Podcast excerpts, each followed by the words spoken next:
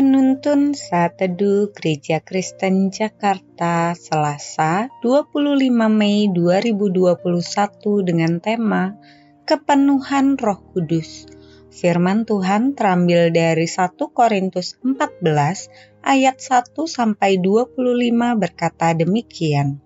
Kejarlah kasih itu dan usahakanlah dirimu memperoleh karunia-karunia roh, terutama karunia untuk bernubuat Siapa yang berkata-kata dengan bahasa roh tidak berkata-kata kepada manusia tetapi kepada Allah. Sebab tidak ada seorang pun yang mengerti bahasanya. Oleh roh ia mengucapkan hal-hal yang rahasia. Tetapi siapa yang bernubuat, ia berkata-kata kepada manusia. Ia membangun, menasehati, dan menghibur. Siapa yang berkata-kata dengan bahasa roh, ia membangun dirinya sendiri, tetapi siapa yang bernubuat, ia membangun jemaat. Aku suka supaya kamu semua berkata-kata dengan bahasa roh, tetapi lebih daripada itu, supaya kamu bernubuat, sebab orang yang bernubuat lebih berharga daripada orang yang berkata-kata dalam bahasa roh, kecuali kalau orang itu juga menafsirkannya, sehingga jemaat dapat dibangun. Jadi, saudara-saudara, jika aku datang kepadamu dan berkata-kata dengan bahasa roh, apakah gunanya itu bagi kamu?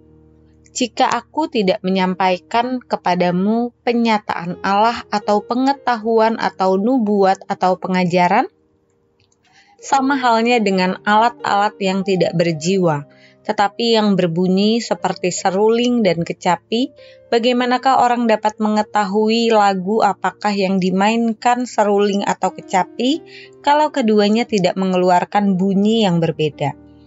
Atau, jika nafiri tidak mengeluarkan bunyi yang terang, siapakah yang menyiapkan diri untuk berperang? Demikianlah juga kamu yang berkata-kata dengan bahasa roh, jika kamu tidak mempergunakan kata-kata yang jelas, bagaimanakah orang dapat mengerti apa yang kamu katakan?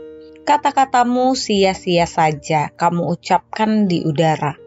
Ada banyak, entah berapa banyak macam bahasa di dunia. Sekalipun demikian, tidak ada satupun di antaranya yang mempunyai bunyi yang tidak berarti tetapi, jika aku tidak mengetahui arti bahasa itu, aku menjadi orang asing bagi dia yang mempergunakannya, dan dia orang asing bagiku. Demikian pula dengan kamu, kamu memang berusaha untuk memperoleh karunia-karunia roh. Tetapi lebih daripada itu, hendaklah kamu berusaha mempergunakannya untuk membangun jemaat. Karena itu, siapa yang berkata-kata dengan bahasa roh, ia harus berdoa supaya kepadanya diberikan karunia untuk menafsirkannya. Sebab, jika aku berdoa dengan bahasa roh, maka aku akan berdoa dengan rohku. Tetapi aku akan berdoa juga dengan akal budiku. Aku akan bernyanyi dan memuji dengan rohku, tetapi aku akan menyanyi dan memuji juga dengan akal budiku. Sebab jika engkau mengucap syukur dengan rohmu saja, bagaimanakah orang biasa yang hadir sebagai pendengar dapat mengatakan amin atas pengucapan syukurmu? Bukankah ia tidak tahu apa yang engkau katakan? Sebab sekalipun pengucapan syukurmu itu sangat baik, tetapi orang lain tidak dibangun olehnya. Aku mengucap syukur kepada Allah bahwa aku berkata-kata dengan bahasa roh lebih daripada kamu semua. Tetapi dalam pertemuan jemaat, aku lebih suka mengucapkan lima kata yang dapat dimengerti untuk mengajar orang lain juga daripada beribu-ribu kata dengan bahasa roh.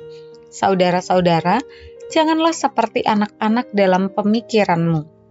Jadilah anak-anak dalam kejahatan, tetapi orang dewasa dalam pemikiranmu dalam hukum Taurat ada tertulis, oleh orang-orang yang mempunyai bahasa lain dan oleh mulut orang-orang asing aku akan berbicara kepada bangsa ini. Namun demikian, mereka tidak akan mendengarkan aku, firman Tuhan. Karena itu, karunia bahasa roh adalah tanda, bukan untuk orang yang beriman, tetapi untuk orang yang tidak beriman. Sedangkan karunia untuk bernubuat adalah tanda bukan untuk orang yang tidak beriman, tetapi untuk orang yang beriman.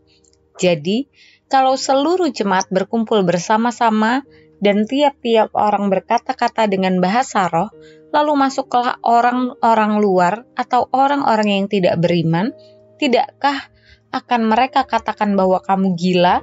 Tetapi kalau semua bernubuat, lalu masuklah orang yang tidak beriman atau orang baru, ia akan dinyatakan oleh semua dan diselidiki oleh semua.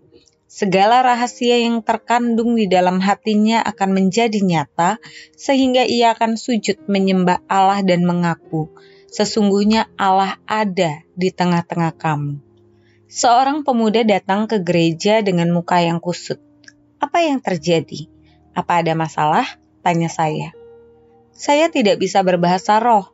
Beberapa orang di gereja menganggap saya tidak memiliki roh kudus karena tidak bisa berbahasa roh banyak orang salah memahami tentang hidup yang dipimpin oleh roh. Mereka menganggap jika seseorang bisa melakukan hal-hal supranatural atau seperti berbahasa roh, menyembuhkan orang sakit, atau hal hebat lainnya, maka itulah bukti hidup telah dipimpin oleh Roh Kudus.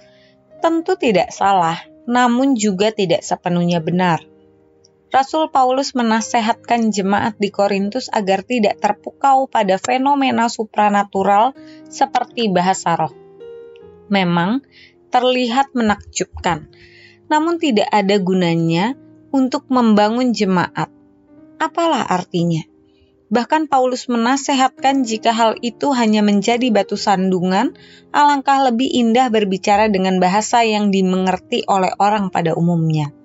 Kata Paulus, kamu memang berusaha untuk memperoleh karunia-karunia roh, tetapi lebih dari itu, hendaklah kamu berusaha mempergunakannya untuk membangun jemaat. Hidup yang dipenuhi roh bukan ditandai dengan kemampuan melakukan hal-hal supranatural, melainkan hidup yang memberi diri untuk membangun gereja dan orang lain. Seseorang yang dipimpin oleh Roh Kudus akan menunjukkan ciri-ciri buah roh yang disebutkan oleh Rasul Paulus pada jemaat Galatia, yakni kasih, sukacita, damai sejahtera, kesabaran, kemurahan, kebaikan, kesetiaan, kelemah lembutan, dan penguasaan diri. Pertanyaannya, sudahkah hidup kita dipenuhi oleh roh dengan menampilkan ciri-ciri tersebut? Melalui perenungan pada hari ini kita bersama-sama belajar hidup yang dipenuhi roh ditandai dengan hidup yang memberi diri untuk membangun gereja dan orang lain.